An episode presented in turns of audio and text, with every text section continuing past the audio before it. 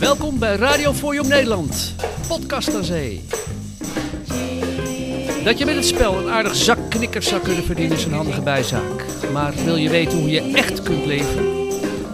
Luister dan naar mijn boeiend gesprek met bergensondernemer Ben van der Bos. Niet bang zijn, alles is op te lossen en doordonderen. Veel plezier.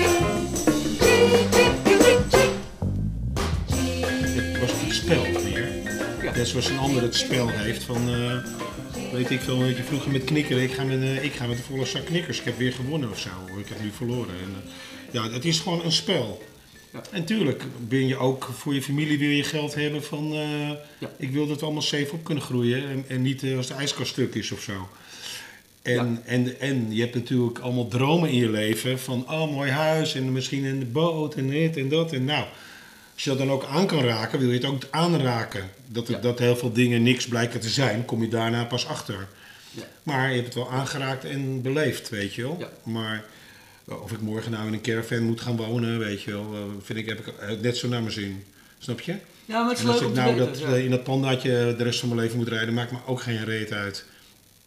En ik vind zo'n mooie Mercedes ook mooi, maar met een hele dure auto is het, je verwacht dan ook heel veel. Dus als er iets minder is, is dat meteen, nou fuck, weet je wel, zit dat er niet eens op? Of wat, wat irritant dat steeds. Bij een gewone goedkope auto waar niks op zit, kan je niet eens irriteren, want het zit er niet op. Nee. Nee, dus eigenlijk ben je dan sneller ook tevreden. Dus ik denk als je ook naar een heel duur restaurant gaat, heb je een hele hoge muts van op. En dan denk je, ah, dit en dat. En als dan al je mes zo ligt en het servetje is er niet, dan denk je, wat een kutrestaurant. Terwijl Ja. bij een ander restaurant waar helemaal geen servetjes zijn, maakt helemaal niet uit. Maar nou kost gewoon eh, 15 of 20 euro. Ja. Dus ja, het is ook.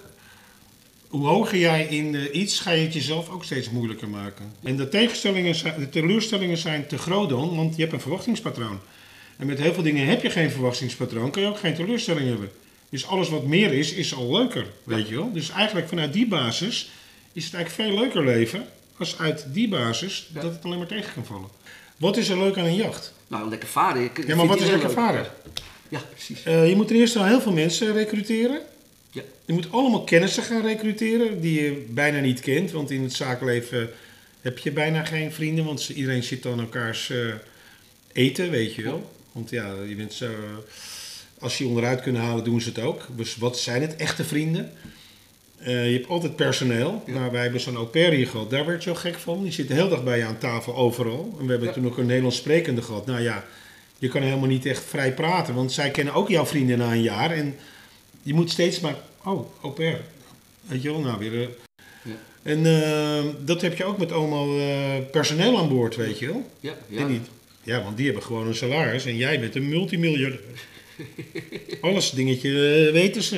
Als je een nieuw chickie meeneemt, zeg je Ja. dat niet dik? Zou ik die? Ja, ja. Dat voel jij ook, Ja. weet je wel. Dus je hebt nergens privacy meer. Alleen maar om, ik ben die, ik ben die, weet je wel.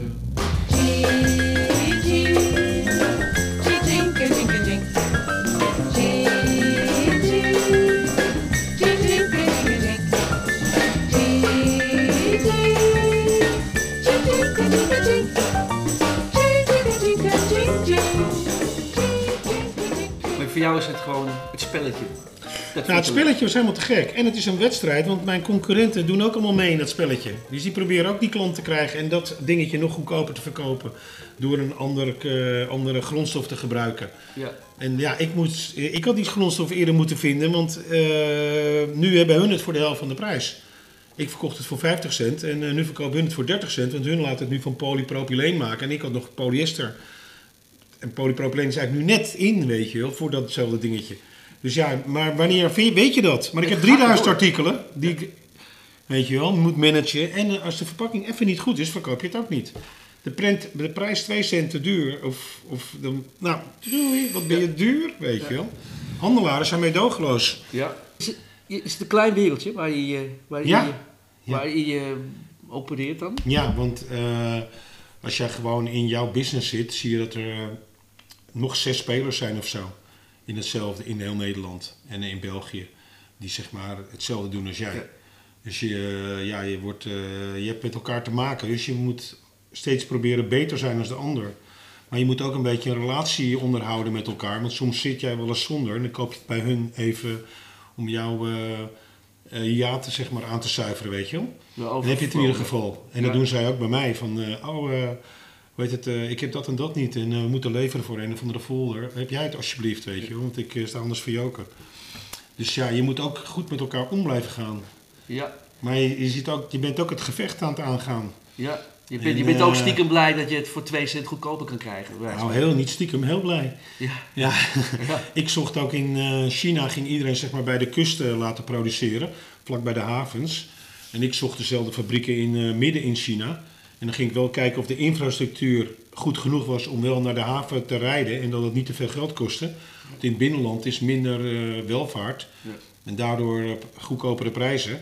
Dus dan evengoed mijn, die prijs met de, zeg maar, de vracht erbij tot aan de haven, was ik soms 20% goedkoper als dat zij die het allemaal eh, aan de kust lieten pro- produceren. ja. Dus eh, zij snapten er soms niks van. van hoe kan hij nou voor 1, euro, of 1 dollar inkopen terwijl wij eh, verkopen, wij eh, betalen 1 dollar, weet je wel. Ik kijk gewoon wat handel is, wat er al is. Ik ga niet het wiel uitvinden. Nee. Want dan heb ik van de 20 eh, heb ik er 19 die niet lopen, dat artikel die niet lopen en één wel. Dat kijk ik gewoon in de markt, laat anderen dat maar doen. Ik zie het zo van, eh, ik eh, spring achter op die fiets die al rijdt. Ik ga niet zelf die fiets maken, weet je. In de verpakking deed ik altijd kijken, artikelen die ik verkocht, of wij verkochten, waren altijd impulsartikelen.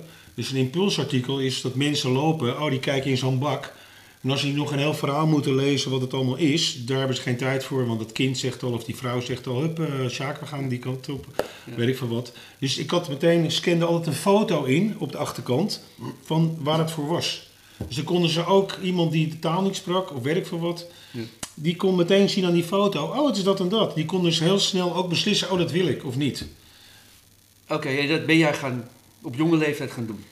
Ja, ik ben begonnen gewoon eh, in een woonhuis, in eh, slaapkamers eerst vol met eh, handel. Toen we huurden een villa op de Oranjelaan, vlak bij de Vrije School. Ja. En eh nou, op laatst zeecontainers in de tuin. Nou, dat vond de buurt allemaal niet leuk, want die waren allemaal van een oude dag aan het genieten. dus eh, nou, op een gegeven moment kon het ook niet meer daar. En eh, dat huis werd verkocht, dus toen moesten we er ook uit. En eh, toen zijn we naar eh Oudebergen weggegaan, een heel klein pandje maar van eh 8 bij 4, dus 32 meter. En nou, datzelfde systeem wat ik toen bedacht had, dat is nu nog steeds bij Interbos, mijn bedrijf, nog steeds gebruiken ze exact hetzelfde systeem. En het systeem was eigenlijk geboren omdat ik geen geld had voor kunststof bakken. Had ik allemaal kartonnen dozen eh, genomen als vakdozen. En die schuin afgesneden. En dan links de sticker met omschrijving en de prijs eronder. En die, ja, ik dacht zo, eh, ook een, eh, als je een plastic kratje neemt of iets dergelijks, dat heeft altijd een felle kleur. Die kleur zit vaak ook al in het artikel, dus dan valt het artikel weg. Een kleur van een doos heeft nooit een artikel. Dus altijd is dat neutraal. Dus dan valt het artikel altijd meer op. En een doos kan altijd nog een beetje eh, meegeven, dus als het niet past. Dus het past altijd. Dus eh, ja, die vakdozen, dat, daar- dat, is, dat hele bedrijf staat nog steeds daar vol mee. Maar jij bent, ja, had, je zag dat, weet Ja, dat ik had eh, meer scholen gedaan en zo. En toen denk ik, ja, wat moet ik gaan doen? Toen had ik hier een dag gesolliciteerd en toen was ik ook aangenomen. Toen eh, sprak mijn broer iemand aan de pomp, want we hebben een benzinestation hier in Bergen. En die zei van, nou, meneer bla bla bla, die eh, heeft een zaakje aan huis. En, eh, want die heeft het bedrijf sloperij aan zijn zoons overgedaan. En die, zoekt, die zoekt iemand, is dat voor jou? Ja. En toen heeft hij ja, mij veel dingetjes geleerd. Ten eerste van niet bang zijn, alles is op te lossen en doordonderen. Dus altijd als je op een punt staat van ja, wat moet ik? Nou, dan denk je nou, eh, niet bang zijn, eh, alles is op te lossen en eh, doordonderen, weet je wel. niet bang zijn. Dus toen overleed hij en toen kon ik tegen bankschuld dat, die, dat zaakje kopen. En dat was best een flinke schuld. Want hij had er flink altijd in zitten graaien, wat ik niet wist. En toen heb ik dat toch gekocht. En mijn ouders zeiden van, ja, je lijkt wel gek. Ja, Maar ik zeg, ja, ik ga het gewoon proberen. Ja, Ja. doorduwen. Ja, ik zijn. denk, ik zie het wel. Dus eh, nou, in het begin eh, één klant in de week, soms nul klanten. Meteen van de petroleumkacheltje en van de tuinset als eh, kantoortje. Weet je wel, eh, super koud. Ik had niet eens een wc in het begin. Dus, nou, maar andere vrienden ook. "Ah, ga met mij dat handel doen en met mij die handel doen. En nou, ik dacht, ik ga nee, toch niet doen, weet je wel. Ik ga dit proberen. Nou, en toen naar Alkmaar. Eerste pand gekocht. En toen al vrij snel naar een tweede pand en toen wel redelijk snel weer naar een derde pand. Nou, en toen dacht ik van, eh, ja, het gaat nu ook boven mijn hoofd groeien. Uh, op het laatst kregen we zoveel containers. En uh, moet je om 6 uur je bed uit. 7 uur staan die containers al bij die loodsen. Die moeten geleegd worden. En een 20 voeter, daar doe je 2 uur over. En een 40 voeter, die twee keer zo groot is, doe je, mag je maar 3 uur over doen. Ja. En om half negen komen de klanten al. Dus als al je personeel met die containers bezig is. Ja, en ze zijn nog lang niet klaar. Ja, dan kunnen die klanten ook niet geholpen worden. Er moeten ook orders klaargezet worden. Dus er moet wel omzet gedraaid worden. Ja. Dus het werd al meer en meer en meer. Toen dacht ik van, nou, ik kap ermee, weet je wel. Ja, Plus ik moest weer naar een groter pand. Ik denk, ja, dan ben ik weer tien jaar bezig om dan weer van die bank af te komen. Dus eh, ik denk, ik eh, ga het te koop zetten. En toen heb ik het verkocht. Ja. Maar ja, je, ik heb een, eh, ja, het was net een cowboyleven, echt eh, helemaal te gek. ja, dus In je, de hele wereld geweest, door dingen laten maken. In China, de eerste keer dat ik in China kwam met de vliegtuigjes, moesten we landen s'nachts op stelkomplaten, weet je wel. Dat je door een contact die je nooit gezien had eh, opgehaald met een auto met één lamp, met dampende putten en eh, echt uit een film. En dan reed je de nacht in, dan weet jij van waarheen, weet je wel. eh, Sheng Wang Wing. of Ja, ik vinden me nooit meer terug. En ik had toen eh, donkere krullen. Ja, die Chinezen die, eh, zaten alleen maar aan je haar, weet je wel. Dat is nooit gezien.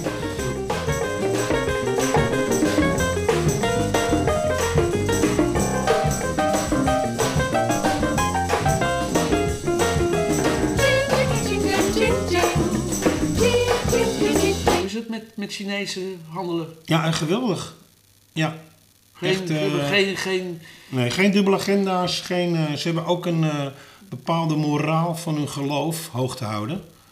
Dus als zij een afspraak met jou maken, dan, ook al moeten ze daar, daar heel erg verlies op lijden, maar door hun dommigheid, dan moet het maar zo.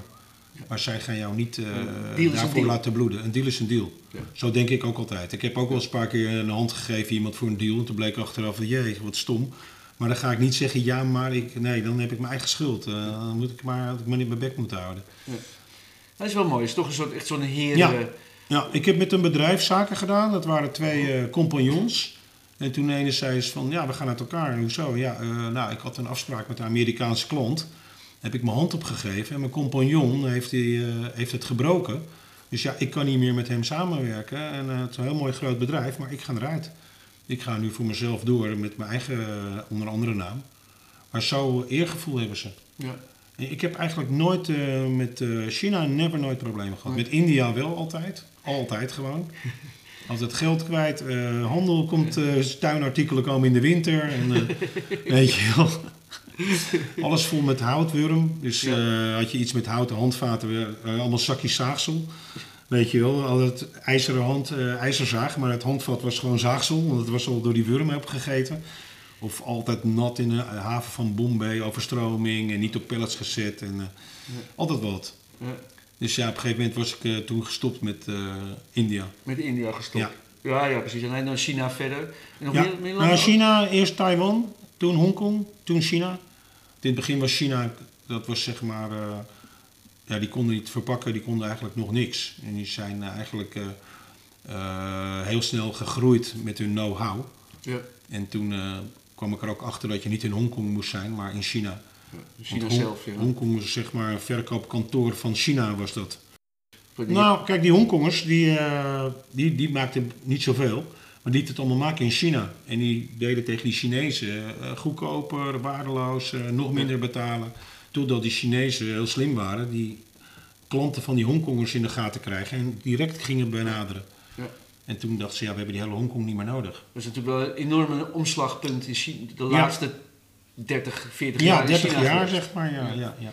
Als je nu ook kijkt op Google Earth, wat een enorme havens je nu aan de Ja, kust hebt staan. het is een, een ge- bizar. Ik kwam wel eens een jaar niet in een stad, dan kom ik de jaar dezelfde stad weer niet, niet te herkennen. Zoveel gebouwen, wolkenkrabbers, nieuwe hotels, eh, havens, nou echt bizar. Ja. Kijk, als jij eh, veel dingen eh, uit eh Verre Oosten haalt, dat moet ook maar daar gemaakt worden in een fabriek ergens. Dan moet het met een vrachtwagen naar een haven gebracht worden, moet in een container en moet ook nog in Rotterdam aankomen en ook nog naar mij toe. En alles moet precies verpakt zoals ik dat afgesproken heb. Nou, dat is best wel eh gok hoor. En dat gaat Ja. best wel heel vaak fout, weet je wel. Waardeloze verpakking, of dat vergeten, of verkeerde tekst, of eh, containers gewoon weg, weet je wel. Ja. En je moet alles van tevoren betalen, eh, anders gaan ze niet eens beginnen. En logisch. Nou ja, ze proberen ook rechtstreeks wel te verkopen, maar als jij een klant hebt, die wil een assortiment. En ja, die heeft, eh, en die wil niet zoveel op voorraad. Nee. Die gaat, die gaat misschien wel een keer zelf importeren om te kijken. Ja. Maar dan ziet hij, al mijn geld zit nu in twee artikelen. Ja. En eh, de dollar is alweer naar beneden. En ik heb het eigenlijk veel te duur. En ik kan helemaal niks meer. Dus die gaat toch weer naar een groothandel toe. Die eh, altijd voor hem 3, 4, 5.000 artikelen op voorraad heeft. Die hij dus altijd kan pakken wanneer hij wil. Al wil hij 10 van iets. Ja. En als stuk is kan hij het ook nog terugbrengen bij wijze van spreken. Ja. Dus daardoor blijven die groothandels wel eh, bestaan. En je hebt het binnen, eh, binnen een dag. Ja, het is een soort buffer in de markt eigenlijk. Dus Ja. je vraag en aanbod heb je dan Ja. dus tussenin zitten die Nou ja, groothandels. ja, ja, als je een goede groothandel bent, en je hebt ook, ook groothandels die met veel te veel winst werken. Kijk, dan eh, kan je er zelf ook bijna niets aan verdienen. En dan, je moet ook tegen een action aan kunnen en zo. Ja, die prijzen zichzelf uit de markt dan, zeg maar. Dan wel, ja. ja. Dat is natuurlijk ook een hele... Prijzen maken is natuurlijk ook een hele kunst. Nou, kijk, heel veel bedrijven, groothandels, zijn ook vrij logge lichamen met allemaal vertegenwoordigers op de weg. Die rijden allemaal een auto. Ze maken productief misschien maar twee, drie uur verkoop eh, technisch bij een klant. Want voor de rest zitten ze on the road of eh, koffie drinken of lunchen of weet ik veel wat. Dus ja, dat moet al in die prijs allemaal eh, doorberekend worden. Ja. En ik dacht, ik, oké, ik ga het bedrijf beginnen, maar ik neem niet eens een fiets op de zaak, geen auto, helemaal niks, geen secretaresses, goedkoop meubilair, eh, stellingen, alles tweedehands, tweedehands heftrucks. Maar alles wat ik be- bereken ik door in de prijs. Ik wil gewoon de goedkoopste zijn van eh. Europa als het kan, weet Ja. je wel. En dat, mensen kwamen gewoon eh, uit Rusland, uit Polen, uit eh, Scandinavië met, met vrachtwagentjes dag en nacht doorrijden om spullen bij mij te kopen. Hoe, hoe, ko- hoe komen die mensen bij jou? Jij, jij vertegenwoordigt dan ook jezelf eigenlijk gewoon. Nou ja, ik, had, eh, ik adverteerde eens in die Telegraaf. Met, die had toen vroeger zo'n rubriek zaken en transacties, nog steeds.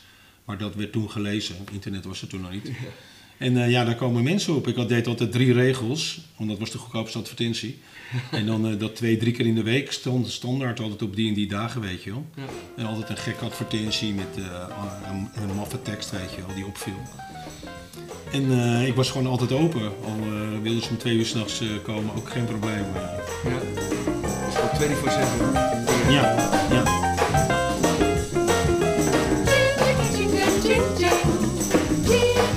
Oké, dat was het werkbare leven. Dat was super gaaf en een jongensboek.